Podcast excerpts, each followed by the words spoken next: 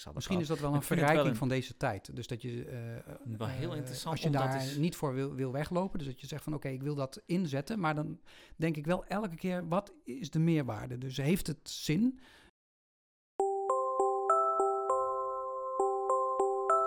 In aflevering 5 spreken we met Mathieu Voelto. Mathieu studeerde bugel, HV-directie en schoolmuziek in Amsterdam en Alkmaar. Ook studeerde hij in het buitenland, Schulmuziek aan de Hochschule für Musik Hamburg. En hij volgde een masterclass als scat vocal in Indiana en haalde zijn Master Innovative Choir Leading aan de Royal Academy of Music in Aalborg. Momenteel is hij docent muziek bij NHL Stende en docent bij Vocal Leadership in School op Codarts.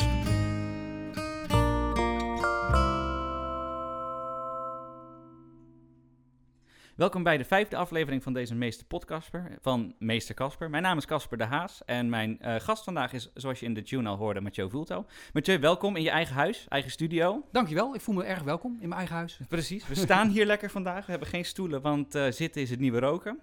Absoluut. Precies. En we gaan het vandaag even hebben over jouw onderwijs, jouw muziekonderwijs, als ik er specifiek over mag zijn. Eh, vooral vocal leadership. Maar ik ben eigenlijk wel heel benieuwd, ja, hoe ben jij tot muziekdocent geworden? Hoe, waar begon het voor jou? Ja, eigenlijk begon het al eh, behoorlijk vroeg. Eh, maar eh, ik denk ook dat dat vaak komt omdat je niet weet wat je precies wil gaan doen om te studeren. Maar ik was sowieso al heel veel met muziek bezig. En mijn vader en mijn broer en ik gingen bij de fanfare spelen. En eh, dat vonden wij allemaal heel erg leuk. En toen ik voor het eerst de Beatles-song Here, There, Everywhere eh, hoorde... Uh, maar dan heel mooi harmonieus door zo'n fanfare-orkest gespeeld. Toen dacht ik, wat is muziek prachtig. Ik wist niet dat het zo mooi was. Uh, er werd thuis wel muziek gedraaid, dat wel, zeker. Radio en alles was er wel. Maar echt zo hands-on uh, samen met een orkest spelen, dat vond ik fantastisch. Dus eh, toen begon het voor mij. Dat klinkt voor mij heel bekend. Ik ben zelf ook begonnen in de fanfare. Want wij mochten het nooit fanfare noemen. Wij moesten het de showband noemen. showband, of, ja. en daarna werd het ja. drumcore. En uh, mocht het... Uh, ja. Want fanfare klonk een beetje te hoempapa hoempapa. Precies. En jij hebt toen uh, bugel gespeeld? Of trompet? Ja, klopt. Of?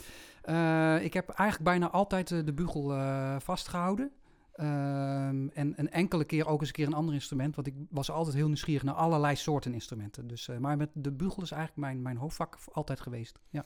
Precies, en toen gaan studeren, echt heel bewust voor docent muziek gekozen? Of eerst hoofdvak Nee, totaal niet. Uh, ik, wist, uh, ik wist van docent muziek eigenlijk nog vrij weinig af. Ik zat veel meer in de hoek van het uh, willen spelen in een, het beste orkest van de wereld. En toen ben ik dus inderdaad klassiek trompetten gaan doen in, in Den Haag. Heb ik een korte tijd gedaan in combinatie met muziekregistratie. twee jaartjes gedaan en toen ben ik naar Alkmaar gegaan. Dat was een, een in eerste instantie een oud klooster in het centrum van Alkmaar, waar een fantastische tijd was, omdat je daar alles kon doen wat je, waar, waar je maar zin in had. En het hoofdvak was bugel.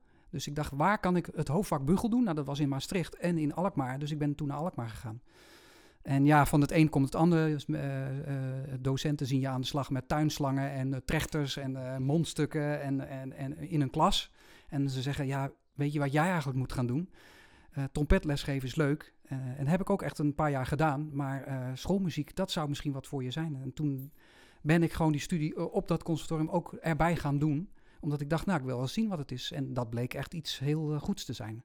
Want ik kon alles doen waar ik mezelf zin in had. Ik kon, je kon alles aanpakken wat je wilde. Dus, dus die vrijheid die je had was eigenlijk wel heel leidend daarin. Dat je daar Absoluut. echt kon, kon doen wat je wilde, jezelf ontwikkelen. En ja. daarna ook gewoon zeggen van nee, dit beslis ik, dit wil ik doen. En als ik een tuinslang wil gebruiken, gebruik ik een tuinslang. Of Absoluut. wat dan ook. Ja. Hartstikke mooi. Ja, zeker. Ja. En toen uh, naar Duitsland gegaan? Ja, dat was een beetje zo aan het uh, eind van de opleiding. En toen dacht ik van, ik wil uh, ook in het buitenland wat ervaring opdoen. En die kans kregen we daar ook uh, om uh, een buitenland uh, stage te gaan doen eigenlijk. Ik had het mij helemaal zelf geregeld. Ik kende daar een docent die ook in de jazzcore wereld zat. En dat was Christoph Schönherr. En die gaf les in Hamburg. Dus toen ben ik naar de Hochschule voor Muziek in Hamburg een half jaar gegaan. En daar ging ook weer een wereld voor me open. op het gebied van koorzang en ook het jazzcore wereldje. dus dat beviel me erg goed.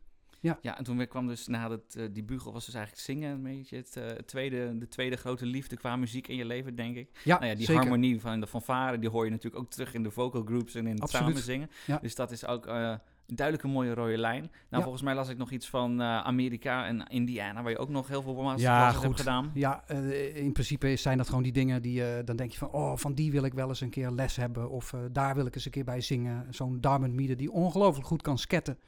Eh, dus dat vocale sket is dus improvisatie met je stem. Eh, eigenlijk alsof je op je bugel improviseert, maar dan met je stem en dan andere klanken en geluiden eh, ontwikkelen. Een vocabulaire. Dat wilde ik bij hem heel graag doen. Dus ik ben gewoon naar de Verenigde Staten gegaan en heb een paar lessen bij hem genomen. Was je toen ook nog aan het lesgeven in die periode, of was je toen nog echt student? In die tijd gaf ik al les. Ik moet even heel diep nadenken. Ik ben nooit zo goed in precies jaartallen prikken. Daar zijn andere mensen heel goed in. Ehm, ik denk dat ik toen al zeker al les gaf op het eh, middelbaar onderwijs. Ja.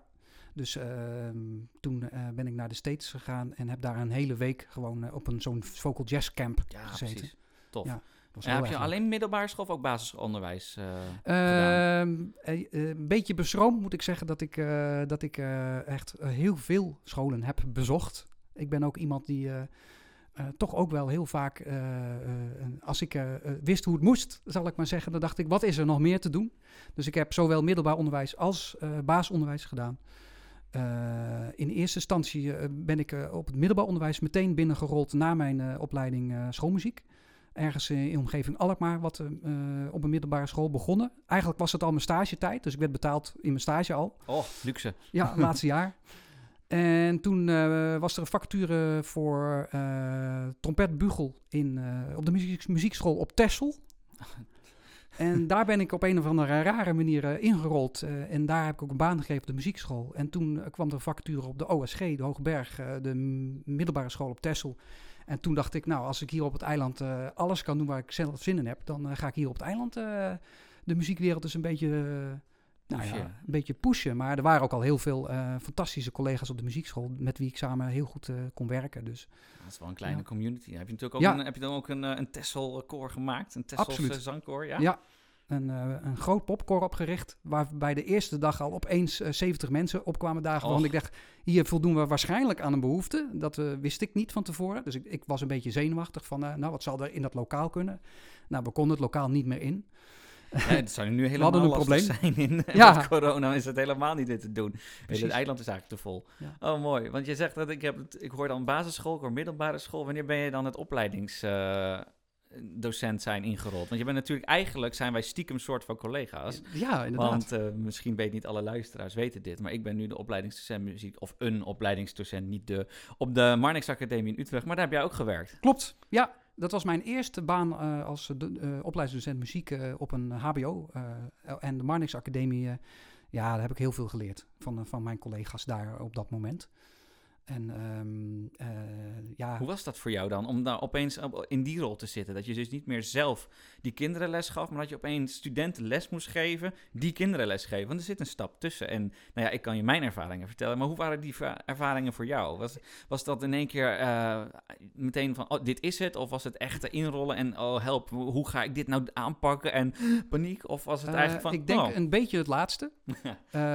Natuurlijk vertellen je collega's je wat je kunt verwachten, maar je denkt van, eh, eh, je bent jong ook en je denkt van, eh, ik zal eens even laten zien eh, hoe het moet of zo.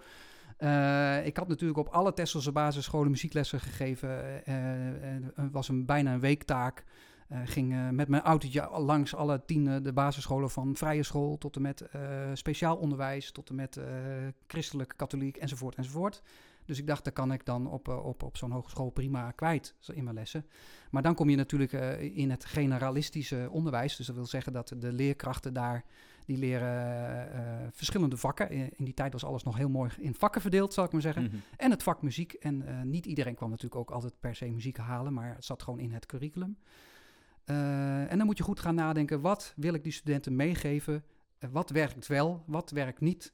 Tussen aanhalingstekens. Wat was je eh, grootste valkuil? Dan ben ik wel benieuwd. Want is, daar kan ik van leren hè? en dan kan ik het volgend jaar... eh, kan ik daar omheen Mijn lopen? grootste valkuil was dat ik in het begin heel erg wilde vasthouden aan het curriculum wat er al was. En ik mijn eigen kracht eh, in eerste instantie misschien niet meteen al kon inzetten, namelijk een, een, een vorm van improvisatie in het lesgeven. Dus reageren in de situatie waarbij studenten op dat moment een vraag stellen. Of op dat moment dat je met je voelsprieten voelt van nu is dit nodig op dit moment. Eh, en eh, laat maar eens zien. Of studenten die, die eigenlijk zoiets hebben van laat mij maar eens zien hoe dat moet. Doe eens wat voor. Eh, en dat je dan toch eigenlijk wel je even vastzet in het curriculum. Nou, curriculum is, is nu inmiddels voor mij een kapstok waar je gebruik van maakt. En uh, waar hele goede elementen in zitten, maar je moet vooral uitgaan van je eigen kracht. Ja, dat je echt in de helikopterview bent gaan kijken van, goh, hoe werkt het nou, hoe zit het in elkaar? En ik kan juist mijn eigen kracht uithalen. En ja. ik hoor het improviseren. En dat is eigenlijk wel voor mij een bruggetje om te gaan naar waarvoor we hier eigenlijk zijn. Namelijk om het te hebben over vocal leadership. Want volgens mij is improviseren een uh, groot uh, onderdeel van, het, van vocal leadership. Alsjeblieft, verbeter me als ik het verkeerd heb. Een, een, een van de Een van de, ja, precies. Zeker. En ik ben heel benieuwd om het daar zo dieper op in te gaan. Maar misschien is het handig om eerst even helemaal te verklaren wat is vocal leadership nou eigenlijk. En dan komen we later ook wel naar de denominatie van vocal leadership in school en hoe dat eventueel basis, middelbaar, et cetera onderwijs zou zitten. Maar wat is vocal leadership?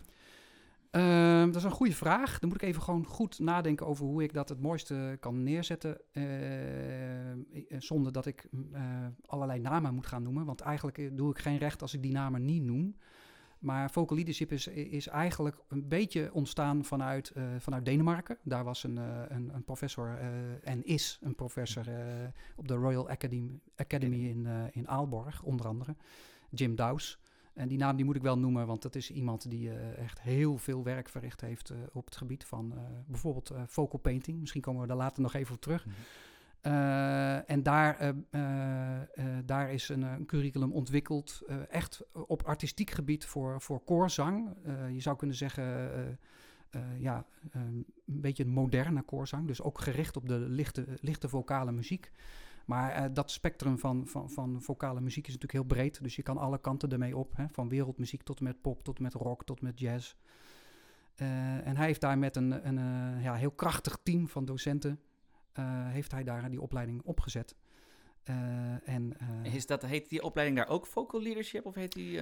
Um, ik geloof... Dat jouw master die je hebt gedaan van de Innovative Choir Leading? Of is precies, dat, zijn dat die is twee die, die master, Die master is eigenlijk wel één op één daarop te leggen. Alleen in Nederland is een docent, die naam moet ik zo ook zeker noemen, Merel Martens, is, ja, heeft eigenlijk min of meer de... de opleiding naar Nederland gehaald en heeft ook toestemming gekregen om, om ook dat curriculum als het ware weer hier, hier in Nederland op te zetten. En dat vocal leadership uh, is, vindt nu plaats in uh, Rotterdam op Codarts. Ja. ja, nou, Codarts ken ik heel goed. Heb ja. ik gestudeerd. uh, nou, mooi, want ik had, ik had eigenlijk een quote. Vocal leadership focus on, on the principle of vocal painting in combination with making music in the moment. Dus yes. eigenlijk dus in het moment zelf bij bezig zijn en dingen uh, en de, nou ja, al die lichte muziekgenres uit Scandinavië. Dus uh, combineren dat, dus dat het echt in het moment, is. Maar voordat we misschien echt naar de, de methodologie en de methodiek van die daar helemaal onder zitten gaan, is, je noemde al vocal painting. Dat is denk ik ook wel een vrij abstract begrip voor degene die niet weten waar dit over gaat. Dus wat is vocal painting precies? Um, ja, dat was wel een goede vraag, want uh, de, het, het is ver, meteen verbeeldend, hè, vocal painting. Uh, mm. Ik heb ook wel eens met een collega op de Marnix Academie gepraat over uh, natuurlijk gewoon het kleurenpalet, zal ik maar zeggen. maar vocal painting zit een beetje in het muzikale kleurenpalet natuurlijk, daar komt die naam ook vandaan. Maar oorspronkelijk komt het eigenlijk uit de States. want Walter Thompson heeft eigenlijk de sound painting opgezet en geëxperimenteerd met allerlei gebaren om met een orkest eigenlijk in het moment uh, muziek te maken. Dus muziek die niet echt op noten staat, maar die puur in het moment ontstaan. En dan, uh, dan door middel van gebaren die een muzikaal leider uh, aanreikt, kan je dan een, een, een, een, een, een orkest op dat moment iets bijzonders laten spelen, zou ik maar zeggen. En dat kan, ja, de, de, de mogelijkheden zijn onbeperkt eigenlijk. Dus misschien wel interessant om dan een paar voorbeelden zo meteen eruit te halen. Als je misschien weet van, uh, want uh, ik hoor dus gebaren, ik hoor ja. uh, dus in het moment samen doen. Ja. vocal painting, nou ja, en dan in het moment. hoe is de, de, het is nu een masteropleiding volgens mij hier in Rotterdam, maar volgens mij ook de meerdaagse cursussen of een weekcursus of een, zelfs een dagcursus. Um, stel, ik ga naar zo'n dag toe, wat, wat kan ik verwachten? Wat, waar, wat, wat ga ik leren als, als docent? Ik, ik ben docent muziek of ik ben misschien een uh, uh, ik, ik, heb een vocal group, dat, uh, ben, dan ben ik dirigent. Ik zocht het woord dirigent. Director, ik kon er niet, kon er niet op komen. wat, ga ik, wat ga ik doen? Ik kom binnen, ik ben helemaal bleu. Ik ben, ik ben gewend om mijn koor aan het werk te zetten. Ik dirigeer. Maar hoe, hoe wordt mijn expertise verbreed? Wat, wat is nieuw? Uh, we hebben het nu over het artistieke stuk. Ja. Dus uh, dat is dus eigenlijk het, het vocal leadership. En precies, het vocal leadership in school, uh, dat zal ik later wel even uitleggen. Dat is, een, is natuurlijk eigenlijk de educatieve poot. Eh, het artistieke stuk is ook wat ik in, eh, in Aalborg, dus eh, eh, die masteropleiding heb gevolgd. En eh, eh, dat, dat stuk dat is eh, eh, geënt op eh, dat je eh, als dirigent dus in het moment met bestaande muziek, onder andere, dus een, bepaalde, eh, een bepaald nummer of een, een, bepaald wereldmuzieknummer, of het kan eigenlijk ook eh, alle kanten op. Het kan ook klassieke muziek zijn zelfs, als je de, eh, de durf hebt om ook met klassieke muziek te spelen, zou ik maar zeggen, kun je in het moment die muziek eigenlijk ja, veranderen. Of, of aanpassen of mooier maken. Of, en je kunt dus spelen daarmee. Dus en welke facetten maak je het dan mooier? En welke, wel, aan welke muzikale aspecten moet ik dan denken? Nou, je kunt bijvoorbeeld zeggen van eh, er is een bepaald element uit die muziek eh, die, eh, die opgebouwd is. eh dat noemen ze soms wel eens een pallet. Mhm. een pallet kan bijvoorbeeld een stuk zijn uit bijvoorbeeld een, een wereldmuzieknummer. En die pallet, daar, da- daarmee wil je gaan spelen. Ik, ik, ik, ik neem maar een voorbeeld van een, van een vocal painting sign bijvoorbeeld. Dat je speelt met dat, dat de, de manier van zingen met, met hele brede noten gezongen wordt. Eh, dus dat het muziekstuk eh, veranderd wordt in lengte van toonduur. Dat soort dingen. Dus dat je bijvoorbeeld zegt van... eh ehm, eh, Inemat of imananium, shevetachim gam jagat. Ik noem, noem maar even een Ja. folksong. Eh, dat je daar opeens met hele korte noten... eh, de, Inamatovunarim. Ja, en dan Sorry. maak je de, afsp- eh, de alle deelnemers kennen de afspraken. Dus die weten als je een korte noten laat zien, dus een sign met korte noten, dan ga je zingen. Ja, en dan heb je diverse signs om die muziek op allerlei mogelijke manieren een vorm te geven. Interessant. Dus eigenlijk ga je spelen met eh, muzikale aspecten zoals staccato, legato, Parameters, zacht. parameters. eh, ja. ook op die manier. Ja. Eh, is dat al het stukje improvisatie? Want ik, Nou, dat is grappig. Want nou eh, niet? je hebt meteen het, de associatie met dat je eigenlijk al aan het, in het moment aan het improviseren bent met bestaande muziek. Wat ik zelf het aller, allerinteressantste vind, is als je in het moment muziek kan genereren, zoals ook bij soundpainting gebeurt, maar bij vocal paint dus het vocale stuk, dus de zang, wat ik eigenlijk net ook wel even wilde zeggen, ter plekke kan laten ontstaan. Dus dat je dan eh, ehm, vanuit bijvoorbeeld eh, een bepaald akkoordenschema of zo die muziek laat ontstaan, eh, die je ter plekke bedenkt. Dus dan is het niet een bestaande, eh, bestaande muziek of bestaande pallet, maar je bedenkt een motief, bijvoorbeeld een baslijntje of een, eh, een, een, een melodie, melodietje. En daarop bouw je dan de rest van de muziek. Circle songs eigenlijk. Circle songs. Interessant, want je, we hadden het namelijk net over, moet die muziek er namelijk al... Je zegt net, bestaande muziek, moet die uitgeschreven zijn? En dit dat zijn dus eigenlijk twee hele facetten. Je hebt namelijk dus, als, als in de Ik snap artistiekiteit... vraag, ja. Als precies, als je als core bent, heb je al de muziek geschreven. Maar aan de andere kant kan je dus ook iets gaan bouwen in het moment. Ja, precies. Dus degene die de muziek kan aanreiken, en dat, dat kan dus eh, komen vanuit de groep, vanuit het collectief. Dus dat je als, eh, als, eh, op dat moment bijvoorbeeld als muzikaal leider bijvoorbeeld iemand een, een, een, een, een, een, sign geeft van bedenk eens een, een, een ritmisch motief wat zich herhaalt in een loop bijvoorbeeld. Dat kan hè, je kunt een loop laten herhalen, waardoor je bijvoorbeeld bijvoorbeeld. En dan kun je daar tegen de anderen zeggen van nou, verzin nu eens een motief wat er precies op lijkt. Maar doe dat eh, eh, op een hogere toon, waardoor je de tweestemmigheid al hebt. En op die manier breidt zich zo'n muziekstuk, kan zich dan heel, eh, heel erg uitbreiden. Ik kan me voorstellen dat het wel heel onveilig is voor een groep die dat nog niet eerder gedaan heeft. Om Klopt. opeens dat te doen. En inderdaad, wat je net zegt met de durf met klassieke muziek. Nou, als, ik wil niet alle klassieke muzici in één hoek schuiven. Maar die vinden dat improviseren, dit stukje, toch vaak heel onveilig en ook daardoor heel moeilijk. Ik wil niet mijn moeder als voorbeeld nemen. Maar als, eh, ik, ik liet haar een keer een stukje meespelen op haar dwarsfluit met een liedje van mij. En het was, nee, ik moet het toch eerst echt even uitschrijven. Ja. En dan, want dan gaat het goed. Nou, Ja, dat precies. is heel ge- gechargeerd, sorry mam.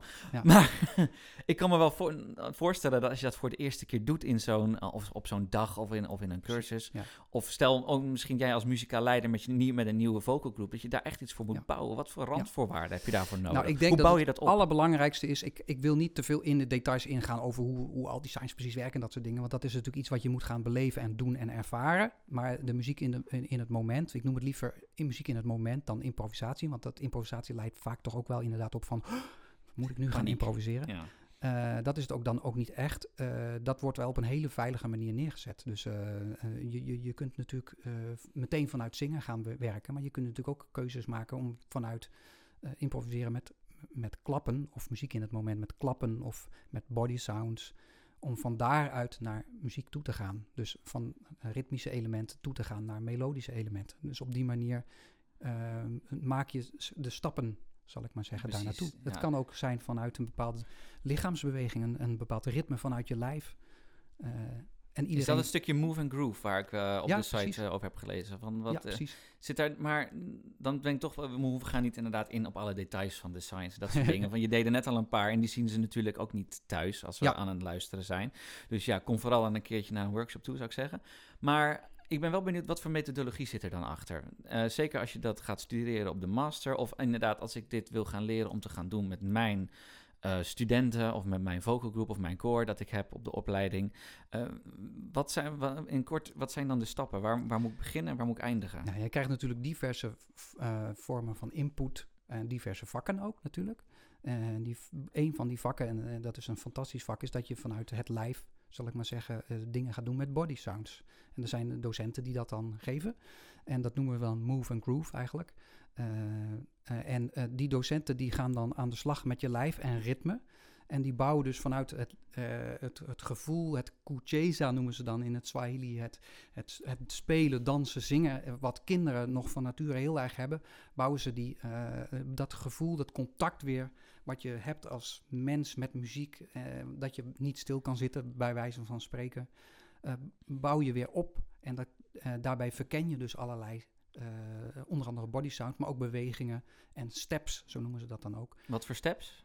Nou ja, goed, je hebt verschillende soorten steps. eh, en die steps, dat zijn eh, manieren waarop je, als het ware, als groep samen een ritme ervaart, een puls. En nou ja, dan heb je een bepaalde step die, eh, eh, als het ware, een bepaald gevoel heeft. Waardoor je met, met de hele groep, als het ware, in dezelfde groove bent. En waardoor je met, op elkaar afstemt. Ja, precies. En dan is ook de cirkel en de kring eigenlijk eh, heel Bijvoorbeeld belangrijk. is kring heel mooi medium. Oh, allemaal stap naar voren, stap Ja, naar achter, stap naar zodat je, dan, zit je heel snel natuurlijk in een vierkwartsmaat. Ja, wat Om- je bij een concert ook wel ziet. Als je soms naar een concert kijkt en een koor gaat in een bepaalde cadans of een groove eh, bewegen, dan zit daar al een soort van step in, zou ik maar zeggen. Of een bepaalde eh, beweging in het lijf. En die ondersteunt uiteindelijk ritmisch ook het stuk zelf? Of is het gewoon puur om als, als vocal group in, een, in de groove te komen? Dat kan, dat hoeft niet, maar eh, het ondersteunt natuurlijk gewoon de muziek.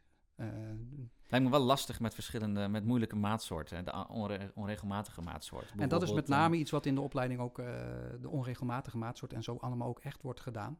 Eh, aan de hand van bijvoorbeeld eh, eh, move and groove. Dus die body sounds, die worden ook, worden ook daarin ingezet. ah. En dan lijkt het eigenlijk helemaal niet meer zo. het is zo dat wij als Westelingen helemaal heel erg opgevoed zijn natuurlijk vanuit popmuziek en, en vierkwartsmaat. En natuurlijk komt er heel veel, komt er snel een groove die vaak in een, een vierkwartsmaat komt. Maar ook, ik weet dat collega's daar ook echt, in, in het, het team van Vocaliesip heel goed in zijn. De, de, de andere maatsoorten komen ook heel erg aan bod. Dus juist even vanuit een andere eh, eh, ritme. eh, ja, dat is wel heel interessant inderdaad. Ja, ja. dat klopt. Het lijkt me wel lastig om precies al de finesses net van die maatsoort en waar de zware en lichte delen zitten, om die er allemaal weer net uit te laten komen in een logische beweging. Ja. ja dus ik hoor eigenlijk verschillende... Probeer dat maar eens uit te leggen zonder het te laten horen. Ja, weet ik. Ik zit ook, ik zit ook al half te dansen hier achter de microfoon. Mhm. Dus nee, dat is wel. Maar ik hoor dus even, als we dat even structureren, hoor ik dus verschillende skills en tools die er zijn. Dus de, de science voor, eh, nou ja, voor het muziek maken in het moment, om het kort te zeggen. Nou, Ja. dan de move and groove. Ja. In mijn, mijn gedachte gaat dan, ja, we hebben de vorige aflevering ging natuurlijk ook over de Kodai-werkwijze en handgebaren. Dan denk ik ook aan de solfa. Ja. Die gebruiken jullie volgens mij ook, toch? Gebruiken wij ook zeker. En ik, ik, eh, Hoe zetten jullie dan de relatief? Of is het, is, het re- is het eigenlijk relatieve solfa of is het directe solfa? Nou, dat is Wat een goede vraag. Ehm, in principe is de, eh, wordt de solfa ook, ook wel ingezet dat als je zegt van nou bijvoorbeeld het staat in mineur, dat je dan op een andere toon begint, maar dan ook met een andere hand sign. Zou ik maar zeggen. Solfa is, misschien moeten de, de luisteraars uitleggen, is gewoon, zijn gewoon eigenlijk hand signs of s- Ja, eh, handgebaren. handgebaren waarmee je de tonen aangeeft. Bijvoorbeeld een bepaalde toonladder. Dat je gewoon ehm, bijvoorbeeld da da da da da da da dam. En elke noot heeft een, eh, een hand sign, waardoor je als het ware precies weet waar je zit qua toonhoogte. Hè? Dus eh, do, re, mi, fa, sol, la, ti, do. En dat je zo'n hand sign kan inzetten bij iets wat je aangeeft in de muziek. Maar ook waardoor je bijvoorbeeld een bepaald lied kan, eh, voor jezelf kan, eh, visueel kan maken. Ja. Of eigenlijk min of meer in, in je lijf kan eh, Ja, de inner hearing, audiëren, zoals dat heel Ja, erg precies. mooi En dat, dat, daar maken wij dankbaar gebruik van. Het is natuurlijk ook, eh, de hand signs komen eigenlijk van Curwen, de Curwen hand signs uit de States. klopt. En wij maken er ook dankbaar gebruik van. Ja, zeker. Ja, we hebben in de vorige podcast zijn we er ook heel lang op doorgegaan op, Ja. de, op de hand signs. En misschien moeten, hoeven we dat nu niet helemaal te doen. Maar het is wel interessant, eh, want, want eh, even dan terug op de relatieve solfa. Dus Mhm. inderdaad, als een lid in mineur staat, dan zing je de, gaan jullie dan vanaf la en dan weer door. En Doris is vanaf re Ja, natuurlijk. En, Dat kan, als dat op dat moment voor precies. de muziek... En eh, C is niet per se altijd do. Dat is eigenlijk het Nee, grootste. precies. Dus als Nee. je de grondtoon begint op een andere toon, dan is, dan, dan is daar de do, zal ik maar zeggen. Ja, op dat, die dat, manier. Dat klopt. Dat hebben we met de Precies Belgen. Met de Belgen hebben we nog wel eens ruzie daarmee. En de Ja. Spanjaarden, de- die Ja. kunnen... Dat is wel heel grappig. Ja. Dus, eh, totaal niet relevant, maar wel leuk. Bijvoorbeeld de Spanjaarden, daar zitten veel meer mensen met absoluut gehoor. En dat komt omdat een C daar altijd do is. En ze zingen alles op die manier. En dan blijft het veel maar zitten in je hoofd. Ja, precies. Wij is doen ook- dat niet. Dat Maar wij kunnen dus makkelijker een goede moduleren. manier om te doen. Het is een manier. En, en eh, voor ons is het natuurlijk eh, door het, ja, je noemt het dus het inner ear, het, het innerlijk gehoor eh, het trainen. Dus dan is het eh, mooi om daar een hele logische manier eh, aan te verbinden. En dat zou dus eh, bijvoorbeeld kunnen zijn dat de grondtoon de do is. Precies.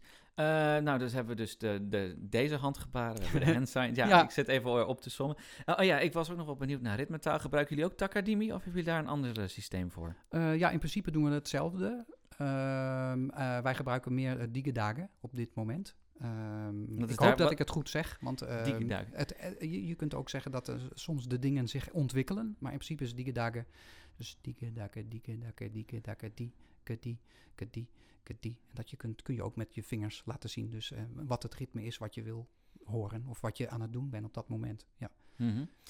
Ja, ik ben wel... Die ba da, die ba da is bijvoorbeeld een, een trio. Oh, ja.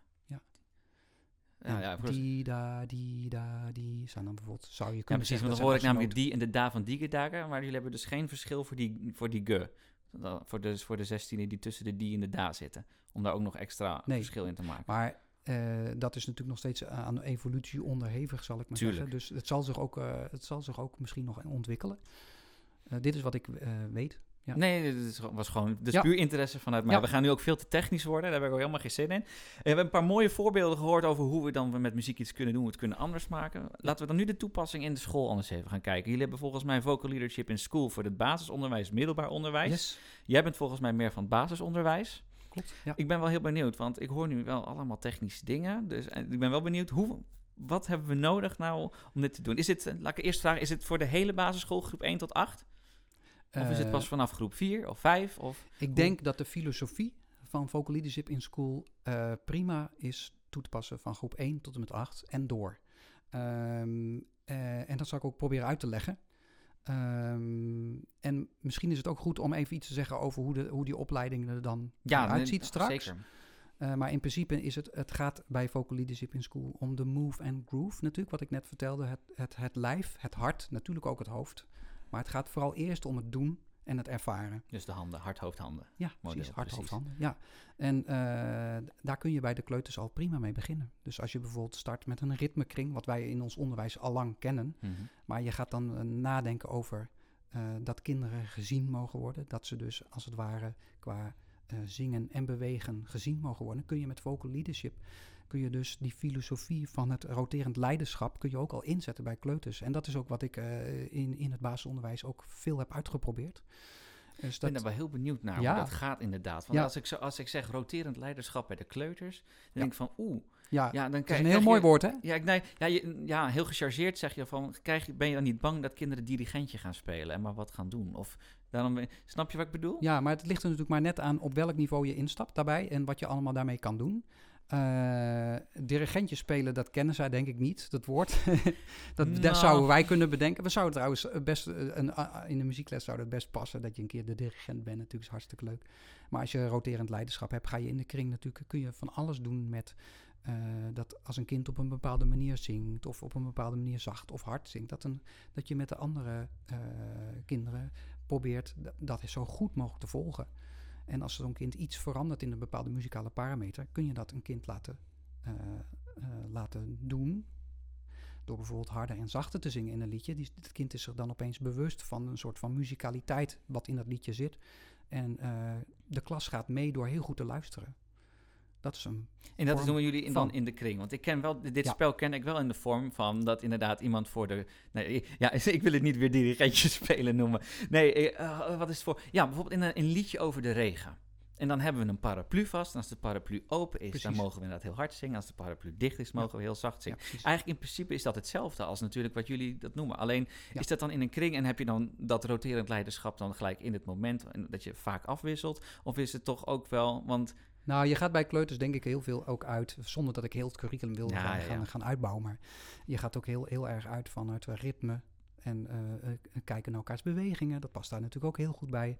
Eh, je gaat uit van motoriek. En dat kan alleen al zijn bijvoorbeeld dat je met elkaar een beweging maakt die gewoon is met twee vingers op elkaar en daar een geluid bij maken met de stem. Dus je combineert heel vaak een bepaalde, moe- eh, een bepaalde beweging of een bepaalde body sound aan geluid. Dus Oh, de stem jullie- wordt al meteen ingezet en dat gaat met die hersens wat doen. Ik dat vind gaat dat met wel heel mooi dat jullie doen. dat gelijk koppelen, die beweging aan, aan eh, dat je die gelijk aan de, vocaal, aan de vocaliteit, Ja. is dat een woord, koppelt. Want ik ken dit namelijk wel als een spiegelspel. Je zet bijvoorbeeld een klassiek stuk op Ja. en één kind gaat een beweging maken, het ander moet gewoon spiegelen. maar jullie hebben gelijk eh, die polyfone activiteit erin zitten, precies. om van en het zingen en het geluid maken Ja. en die twee aan elkaar koppelen. Dus ook qua Zeker. de parameters. Dat Ja. vind ik wel een, een sterk... eh, Nou ja, kijk, als je bijvoorbeeld denkt aan een heel mooi liedje wat ook in Cordailly wel eens gebruikt wordt, zoals Tje Coulé of bijvoorbeeld of zoiets. Eh, dat is natuurlijk al, dat, dat, daar zit al heel erg in dat je bijvoorbeeld als kind iets ook in een beweging kan voordoen terwijl het kind zingt.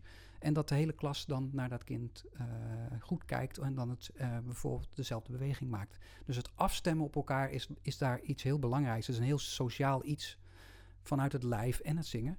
En ik denk dat daar in Vocal Leadership in School, als je kijkt naar die hele jonge kinderen, een hele belangrijke rol speelt. Waar loopt het dan heen uiteindelijk in groep 8? Ga je dan in de groep 8 ook die waar we het net over hadden, de move and groove, de, de circle zeker. songs zeker opbouwen Ja, en dat heb ik improviseren? gedaan, zeker. Ja, dus eh, eh, eh, ehm, bijvoorbeeld dan eh, proberen de groove en de puls vast te houden.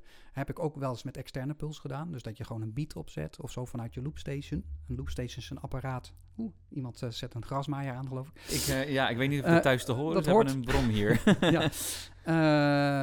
Waarbij je dus als het ware een externe puls hebt, maar je kunt ook in de interne puls, als het ware wat in je eigen lijf zit, met elkaar afstemmen. Door bijvoorbeeld een beweging te maken die hetzelfde is op, op een beweging in, in je lijf. En dat je de hele klas dat volgt.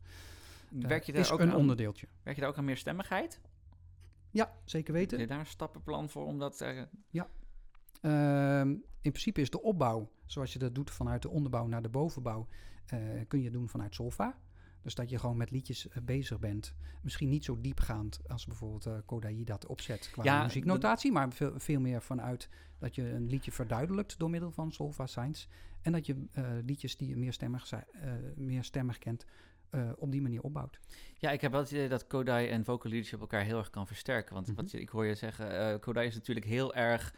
eh, de methodiek heel erg gebouwd vanuit het, het leren lezen van die muziek op behulp van Solva. Echt al vanaf hele jonge leeftijd met het input van een repertoire. Ja. En deze repertoire later eh, aan intervallen koppelen aan de, ha- aan de handbeweging. Zodat Ja. uiteindelijk in groep 4, 5 er al op, nou ja, in Hongarije in elk geval, op een heel hoog niveau meerstemmig gezongen kan worden. Maar jullie gebruiken het meer als tool dus om af en toe iets te verduidelijken. En Ook. ook. Ja. Maar jullie werken dus eigenlijk niet aan de muzikale geletterdheid in de eh, vo- vocal leadership. Of zeg ik dat nu helemaal verkeerd? Want, Eh, ik denk het wel. Alleen ik denk dat wat heel erg belangrijk is vanuit vocal leadership is dus het, het goed naar elkaar luisteren en het op elkaar afstemmen. Eh, het, eh, vanuit, het, vanuit muziek in het moment, dus dat de kinderen ook dingen bedenken zelf. Dus Ja. met stem en ritme in het moment, in de klas, op dat moment muziek laten ontstaan.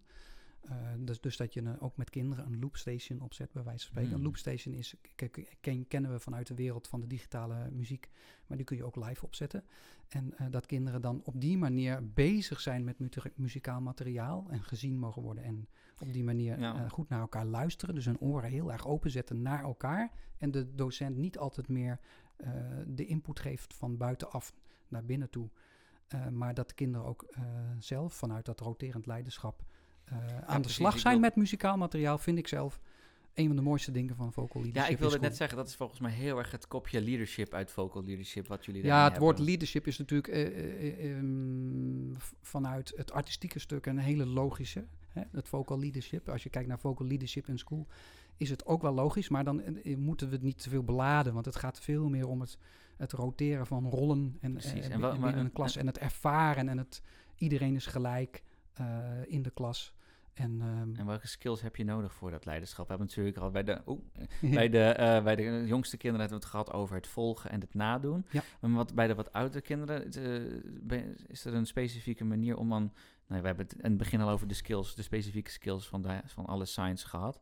Zijn dat de skills die we bedoelen met, om hun dat leiderschap te geven? Of zijn er andere skills die we nog onderbelicht hebben gelaten? Want ik heb namelijk een quote van een meneer... In order to create leadership in children, one has to develop skills in the children. En het was van een Deense meneer wiens naam ik niet kan uitspreken, dus ga ik ook zeker niet doen. Maar dan ben ik toch wel heel benieuwd, wat zijn dan die skills? Nou, ik denk dat je sowieso, zoals dat ook in het artistieke stuk is, dat je afspraken moet maken met de klas van wat er precies gebeurt. Dus die, eh, bijvoorbeeld die hand signs die je gebruikt, die moet de klas natuurlijk ook leren.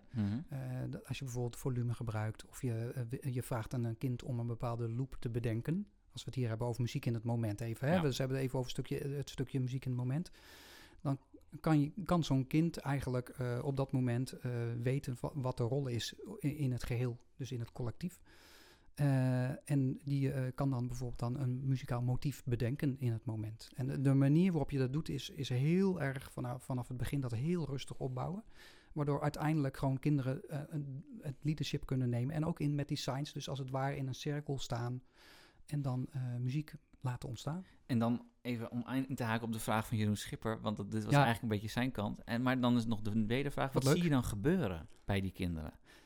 En wat je ziet gebeuren is, eh, wat mijn ervaring is, eh, en vanuit de- opleiding zie je ook dat mijn collega's, of eigenlijk de studenten in vocal leadership in school, maar ik zie ze ook echt als collega's, want dat zijn heel vaak vak, vakdocenten, die gaan kijken naar mogelijkheden om, om, om eh, dat eh, roterend leiderschap, dat eh, gezien worden, het, het naar elkaar luisteren. Dat, dat zie je heel erg terug ook bij die kinderen. De, want er ontstaat een gevoel van eigenaarschap. Dus het vertrouwen, het zelfvertrouwen neemt toe.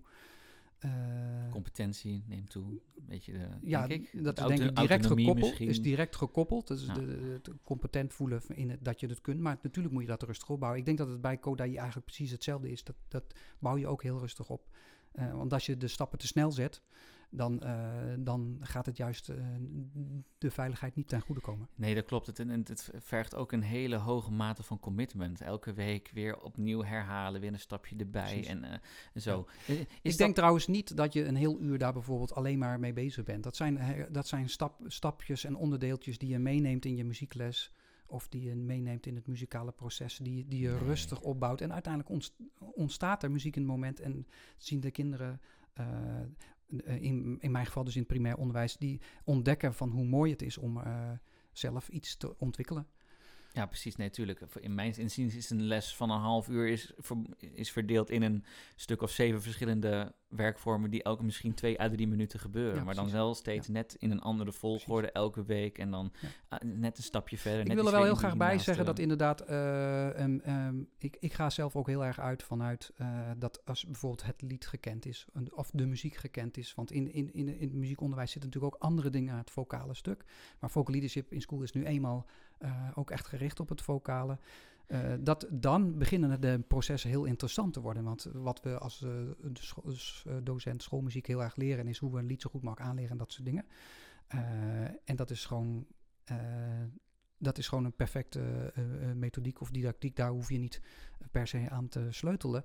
Maar op het moment dat het lied gekend is, dan wordt het interessant. Kun je dan gaan spelen met het muzikale materiaal, zodat je van de kinderen meer gaat vragen. In plaats van dat jij als docent veel dingen aangeeft.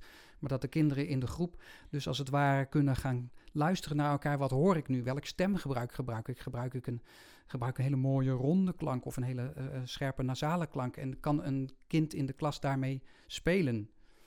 Eh, door die klank Ja. te veranderen in het moment. Terwijl ze het liedje aan het zingen zijn. Ja, dus eigenlijk het kunnen zingen en luisteren, dat is ook weer een hele, hele, moeilijke skill Ja, natuurlijk. klopt. Zeker als je meer stemmig zingt, van Ja. oh, wie zingt nou bij wiens Precies. partij en dan weer terug. Ja, en het grappige is dat kinderen dat, als ik goed nadenk daarover, dat kinderen dat eh, heel erg goed kunnen. Dus die, ik dacht in het begin van dat vinden ze bijvoorbeeld heel moeilijk, maar dat is helemaal niet zo. Als je dat in de klas doet met kinderen. Zou dit een missing link zijn richting dat meer stemmig zingen? Omdat je juist veel meer daarmee bezig bent met het bewustwording van de eigen stem.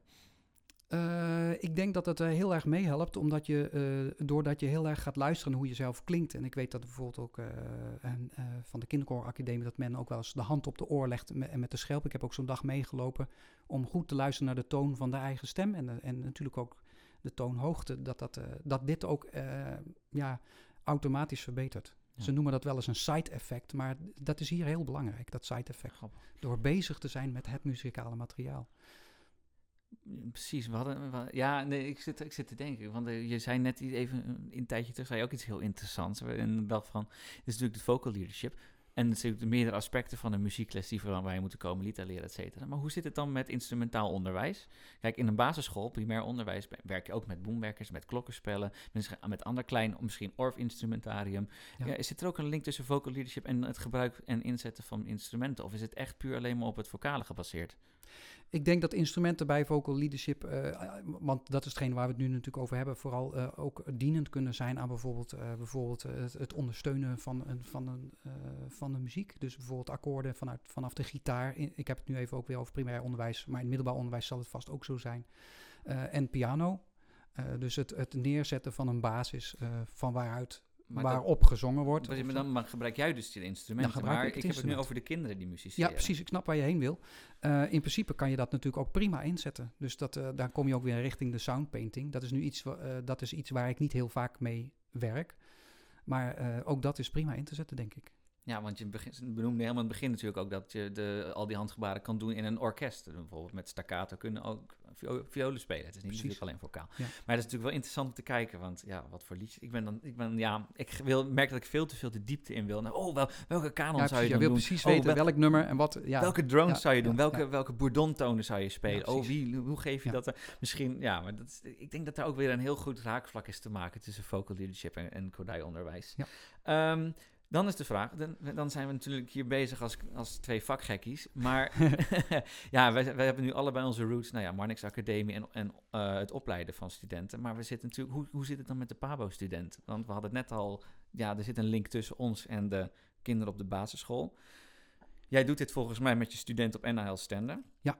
Hoe maak je hun er bewust van wat nodig is? En hoe zorg je ervoor dat zij het uh, op een waarheidsgetrouwe manier in, de in het primair onderwijs gaan toepassen met hun nou, dat is, wel, uh, dat is natuurlijk wel uh, een, een, een logische stap. Is natuurlijk waar we helemaal aan het begin het ook over hadden. Van hoe breng je het, het over? want er zit een soort tweede laag tussen. Van hoe breng je het over aan de kinderen? Dus je denkt dan bijvoorbeeld heel erg goed na over uh, hoe het bij studenten ervaren wordt. ik denk dat dat, dat is wel een missie en, en, en, en elke visie van mij om te kijken over hoe kun je dat zo goed mogelijk aan studenten brengen. Daarvoor heb je ook tijd nodig. Dus uh, uh, eerst moeten studenten natuurlijk, of moeten, mogen studenten uh, goed zingen en met elkaar samen op, op toon kunnen zingen. Nou is op toon wat mij betreft niet altijd meteen een eerste voorwaarde. Maar het is wel heel fijn als je met elkaar op een gegeven moment gaat ervaren dat, dat je samen op toon kan zingen. en uh, die vaardigheden die zijn dan eigenlijk in eerste instantie een beetje nodig om dan vervolgens die stap te gaan zetten naar uh, het vocal leadership. Maar ik, ik begin er altijd wel meteen mee. Dus ja. dingen als de, de, steps of de body sounds of de uh, eens, ja, een, keer, eens een keer een sign gebruiken. Ja, maar het, dat natuurlijk vanaf het moment ik, ik kan me ook zo, ik zit ja. even te denken, dit is natuurlijk ook gewoon, je presenteert het eigenlijk als een, natuurlijk als een soort voorwaarde. Ja. Want, want dit is hoe we het doen. Dit is nou, niet is hoe we doen, dit is hoe het gebeurt het zingen en zo. En je, merkt toch vaak bij het instapniveau van de... Ik zeg niet dat het instapniveau van studenten laag is of niet, maar het is vaak een onontdekt, onontdekt talent bij veel studenten, omdat het bij hunzelf op basisschool of middelbare school gewoon te weinig is aangeboden. En dan merk je dat er heel veel uh, drempels zijn en heel veel beren op de weg voor een student om die eerste stap te zetten. Ja. En uh, dus ik vind het wel heel sterk dat dat inderdaad vanaf moment één gewoon met die stappen en dat soort dingen. En dat inderdaad dat zuiver zingen niet gelijk een, een voorwaarde moet zijn. Terwijl je eigenlijk natuurlijk wel dat zou willen. Want, maar ja, we hebben natuurlijk ook de studenten erbij zitten die echt dat heel erg lastig vinden. Met name in het koorzangstuk uh, is dat wat mij betreft uh, iets heel moois om rustig op te bouwen. En studenten heel enthousiast in te krijgen. En uh, ik, ik, ik, wat ik heel mooi vind, is dat eigenlijk als je heel erg gaat kijken naar hoe uh, muziek ontstaat, bijvoorbeeld op het schoolplein met kinderen. En ik, ik, ik haal het wel eens als voorbeeld terug, zo'n playground song of een speelpleinlied, wat we wat sommige mensen zich misschien herinneren, wat, wat we eigenlijk helemaal in deze tijd niet meer zo heel veel doen. Vanuit Kodai is natuurlijk de volksmuziek hè, een, een, een, mooi, een, een mooie ingangshoek ook, invalshoek. Uh, als je dan bijvoorbeeld uh, een, een, liedje doet als Bangalo, bang bangalo, en dat kinderen dan met dat playground song al, al roterend leiderschap hebben. Want dan hmm. zeggen ze, hey you, who me, let me see your bungalow. My hands are high, my feet are low, and this is how I bungalow. En dan bewegen ze op die manier. Dus dan krijg je echt heel duidelijk dat kinderen heel erg naar elkaar kijken, zonder te oordelen. Je mag gek doen, het mag er zijn. En uh, uh, dat zit in vocal leadership in school ook heel erg, denk ik. Ja, ik denk ja. En, uh, en, en, en, hoe zie je dat voor je, dat zo'n zo'n zo'n student dat uiteindelijk gaat oppakken in de klas? Want wij moeten natuurlijk ook ze leren hoe ze eigenlijk een lied aanleren. De, de theorie erachter, dat is natuurlijk vrij basis. En dat is waarschijnlijk het curriculum waar we in het begin het helemaal over hadden. Hoe krijg je ze zover dat ze uiteindelijk zo vrij zijn om dat in hun basisschool te gaan doen? Want ik merk toch vaak bij een student, op het moment dat zij voor de klas moeten gaan, dan zijn ze eigenlijk, en dan spreek ik ook over mijn eigen ervaring eh, van, de, van het conservatorium, dat ik heel erg bezig ben, want ik heb een lesvoorbereiding gemaakt die ik moet afdraaien. Ja. En nou, het gaat sowieso al mis, want het gaat niet zoals ik het had gepland. Paniek, dat is al paniek moment 1. En dan paniek moment 2. Oh, ja, ik zal al vrije dingen met ze gaan doen. Ja. Dus ben je niet bang dat studenten juist hele rigide dingen gaan doen, zodat ze weten, ik haal mijn studiepunt en ik ben niet vrij en je mag er zijn. En dat dat eigenlijk daardoor wordt vergeten. Ik denk dat het daarom heel belangrijk is dat je als opleidingsdocent uh, samen met je studenten ook mee ontwikkelt in, in, in, in hetgene wat zij willen leren, waardoor, waardoor zij ook dingen vragen en aangeven. En aan de andere kant weet je niet altijd wat je niet weet, dus studenten zullen ook van jou dingen leren waarvan jij denkt dat die, dat die eh, heel goed zijn. Maar ik, voor mij is het, en misschien uh, werken andere collega's op dezelfde manier of anders, voor mij is het heel belangrijk dat dat de energie en het, het ervaren en het doen uh, op de eerste plaats staat. En het vervolgens dan hebben over wat hebben we hier gedaan of wat deden we hier. Uh, door heel veel dingen aan te bieden. Dus daar een, een heel rijk palet aan te bieden waardoor ze, waar ze mee aan de slag gaan. Nou is het zo dat ik bijvoorbeeld niet alle artistieke signs vanuit de vocal leadership uh, allemaal aan studenten aanbied. Want dat is natuurlijk een, een, dat is misschien wel een stap te ver. Maar een aantal basisdingen, basisdingen kun je heel goed doen. Nee, want anders zou je eigenlijk van elke student moeten verwachten dat ze ook de masteropleiding zouden gaan doen, weet je wel. En dat, dat is natuurlijk niet reëel.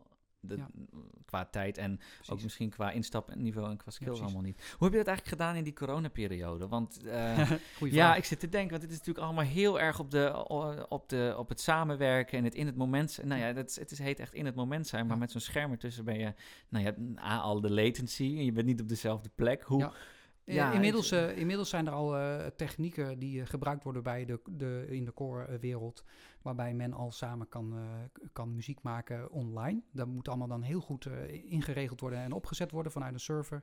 Er zijn daar programma's dan nu voor. En dat, er zijn er nu al core-festivals die plaatsvinden. En vanuit Vocal Leadership wordt dat ook echt wordt dat ook ge, gepromoot. Um, en daar zijn dan ook al festivals van geweest, waarbij het hele team als het ware dan al online eh, eh, ja, workshops heeft gegeven. Eh, en ik denk dat ik wel mag zeggen dat, dat ehm, omdat het, ik denk ook omdat we vanaf het allereerste begin eigenlijk ook al ervaring hadden met het online distance learning, dus het op mhm. afstand les geven, dat we daar best wel handig in zijn al. Dat het voor ons eigenlijk op het moment dat corona inging eigenlijk al, al heel veel dingen stonden. Dus we waren al wel, wel, wel wat dingen gewend met hoe doe je dat dan met met interactie met elkaar. En voorbeelden van dingen die heel goed werken zijn natuurlijk bijvoorbeeld wat jij ook uh, kent, is natuurlijk het solmiseren. Mm Dat kun je gewoon prima doen met elkaar samen. Alleen de feedback is dan, ik wil niet zeggen een soort van onzin, maar die, die hoor je dan op dat moment niet als je gewoon met die latency te maken. Als jij als docent bedoel je, jij, geeft, jij zingt iets, je geeft andere handgebaren die ze mee moeten zingen. Er, er wordt iets twee stemmers gecreëerd. En dan moeten zij thuis maar hopen dat het eigenlijk maar goed is. Maar eigenlijk. Uh, Voor mij was de mindset altijd: ik wil uh, de digitale uh, technieken inzetten om het artistieke en ambachtelijke stuk zo goed mogelijk te faciliteren. Dus dat wil zeggen dat ik bijvoorbeeld wel mijn loopstation aansloot op mijn soundkaart, zal ik maar zeggen. Maar dan puur ter ondersteuning om vervolgens gewoon echt na te denken over het, hoe we straks weer uh, ja, on the floor, dus op de, op de vloer, uh, bezig zijn met het materiaal. Ja. Heeft het je nog iets gebracht dat je denkt, dit ga ik nu, nu want volgens mij geef je nu vooral weer de live lessen. Klopt, ja. Heeft het je iets gebracht dat je nu weer meeneemt, dat je denkt van, goh, dat is toch een inzicht die ik anders niet had gehad? Ja, ik durf wat makkelijker gebruik te maken van bijvoorbeeld mijn eh, loopstation nu dan dat ik vroeger iets meer in het ambachtelijke zat. Dat ik dacht van oké, eh, zoveel mogelijk instrumenten weg en puur vocaal en a Mhm. cappella en dat soort dingen. Eh, ik durf dat nu wat makkelijker in te zetten en het helpt me ook als ik bijvoorbeeld een klas met ki- eh, kinderen inkom en ik laat bijvoorbeeld een, een, een kanon even heel hands-on horen als, als een demo, waarbij ik Mhm. lagen op elkaar even inzing of kinderen zelf het laten inzingen, want dat vind ik nog het allerleukste. Ja, zeker. Dat ze denken van, oh, zo, Zo. klinkt het. En de snelheid waarmee ze dan zo'n kanon dan oppikken is dan, ja, is dan sneller. Grappig, want dat is, dat is een mooi inzicht. Dat is een- Ja. een- iets waar ik nog nooit bij heb stilgestaan. Ik heb altijd wel bijvoorbeeld... eh, first you make your fingers click, then you stamp your feet. Both hands slap your knee and clap to the beat. Dat was een kanon, daar heb ik, eh, die bouwde ik op in een week of 7, 8. Maar ik ben heel benieuwd of ik dat nog in de helft van de tijd had kunnen doen... als ik inderdaad een, een resultaat had laten horen van... zo gaat het klinken. Terwijl op dat moment was ik veel meer bezig met dat, dat de kinderen konden ervaren van... oh, hoe gaat het wel? En dat ze dan net uiteindelijk Ja. die dat besef zelf kregen... zonder dat ze die, dat, die context hadden Misschien is dat wel een wel verrijking een- van deze tijd. Dus dat je, eh, Wel heel eh, interessant als je daar eens- niet voor wil, wil weglopen, dus dat je zegt van oké, ik wil dat inzetten, maar dan denk ik wel elke keer, wat is de meerwaarde? Dus heeft het zin? Eh, o- is het alleen maar leuk? Of heeft het zin in het proces? En, en kun je daar dan bijvoorbeeld, het, eh, heb je dan meer tijd over om, er, om juist meer de diepte in te gaan? En dat Ja. is soms het geval. En ook als je bijvoorbeeld een microfoon in de klas meeneemt met een loopstation. En er zijn een paar kinderen die zich al zo veilig voelen om een muzikaal motiefje te bedenken. Ik heb het zelfs in de tijd dat ik op uh, Bartimeus nog een uh, Mhm. paar lessen heb gegeven met kinderen die, uh, die niet goed konden zien, maar wel ontzettend muzikaal waren. Die gewoon daar een muzikaal stuk ontwikkelden vanuit een loop en dat op laten nemen met, een, met zo'n app als Loopy. Uh, ja, dat is uh, heel mooi uh, en als verrijking volgens mij een meerwaarde in ons curriculum. Maar ondertussen moet je, denk ik, dat andere zeker niet het oog verliezen. Dus echt weer dat ambachtelijke stukje. Ja. Dat klinkt heel ouderwets trouwens, dat bedoel ik ook niet. Maar gewoon het doen, het ervaren, die stem lekker inzetten, het lijf inzetten, het, de body sounds en uh, ja, muziek mag samen iets een... heel moois maken. Tuurlijk, maar muziek mag toch ook nog steeds wel een ambacht zijn? Natuurlijk, ja. Kijk, Kodai maar ik bedoel, die lading zit er tuurlijk, soms wat op. Ja, Kodai zei, music is for everyone. Dus ja, ik, uh, ik, ik, zou, ik ga dat niet durven naspreken. Maar ja. aan de andere kant, we moeten het ook wel eens... Ja nou ja, we, we, moeten vaak ons vak verdedigen. Zeker als het gaat op een, uh, op een opleiding voor ja, uh, PABO-studenten of ja. überhaupt soms ja. in, uh, in, het, in het werkende leven. Kijk hoe de cultuur af en toe is achtergesteld op het moment in de coronaperiode en wanneer het open gaat. Dus ja, ik... uh, Is, nou, ik vind het wel mooi dat je zegt music is for everyone. Als we bijvoorbeeld dan kijken naar die inspiratiedag die er uh, aan gaat komen... Uh, binnenkort, dan uh, nodigen we ook vakleerkrachten, uh, gewoon generale studenten of de reguliere studenten, zou ik maar zeggen, en ook de vakspecialisten uit om bij ons te komen kijken en zo'n dag eens mee te lopen. en dan merk je gewoon dat er heel goed ook wordt ingespeeld op ieders eigen niveau, dus er is echt de differentiatie. en daarnaast merk je ook dat het heel goed is dat iedereen kan meedoen. Dus jij zegt music is for everyone. Ik denk dat het ook geldt voor een gewone klas met kinderen, dat heeft iedereen zijn eigen instapniveau, zal ik maar zeggen. Ja, er is niet een bottom niveau dat nee. je minstens zou moeten hebben. Nee, nee precies. Inderdaad, dat bestaat gewoon... er natuurlijk wel gewoon naast. Want als je bijvoorbeeld een, een, een kinderkoor opzet waar kinderen voor kiezen, dan ga je natuurlijk weer andere stappen zetten. Tuurlijk. En uh, op het moment dat jij de master wil doen, moet jij ook uh, auditie doen om een bepaald instapniveau aan te tonen. Ja. En maar op het moment dat je gewoon de, het wil ervaren, ja, dan, dan is het natuurlijk op een lager ja, niveau. Ja. Hartstikke mooi. En je noemde al de inspiratiedag. Dus volgens mij is dat uh, www.vocalleadership.nl, waar je Klopt, ja. kan kijken voor meer informatie. Een fantastisch team die met z'n met z'n allen samen die dag gaat opzetten. Ja. Zeker, dat is, uh, ik weet niet wanneer u dit gaat luisteren thuis, maar dat is uh, 12 juni 2021. Maar kijk gerust op de website als u dit op een later moment luistert, want misschien komen er nog wel veel andere inspiratiemomenten en dagen aan. Dat denk ik wel. Ja. Zeker. Uh, ik denk ook dat dit een mooi bruggetje is naar het einde van deze podcast. Maar mag aan. ik jou ontzettend hartelijk... vliegt. ja, ontzettend. Ja. Mag ik jou ontzettend bedanken voor uh, het, uh, het gesprek. En, het, en nou ja, dit was niet echt een discussie, maar gewoon voor het gesprek hierover. Ik heb er veel van geleerd. Ik, ik zal er zeker bij zijn. Um, Welkom. Ik zei al www.vocalleadership.nl. wil je andere podcasts luisteren, kan dit natuurlijk op de Spotify of op de YouTube van Meester Kasper. En geef anders me een volgje op @csdh. En Dankjewel. Jij ook bedankt voor het interview. Graag gedaan. En tot de volgende keer. Tot ziens.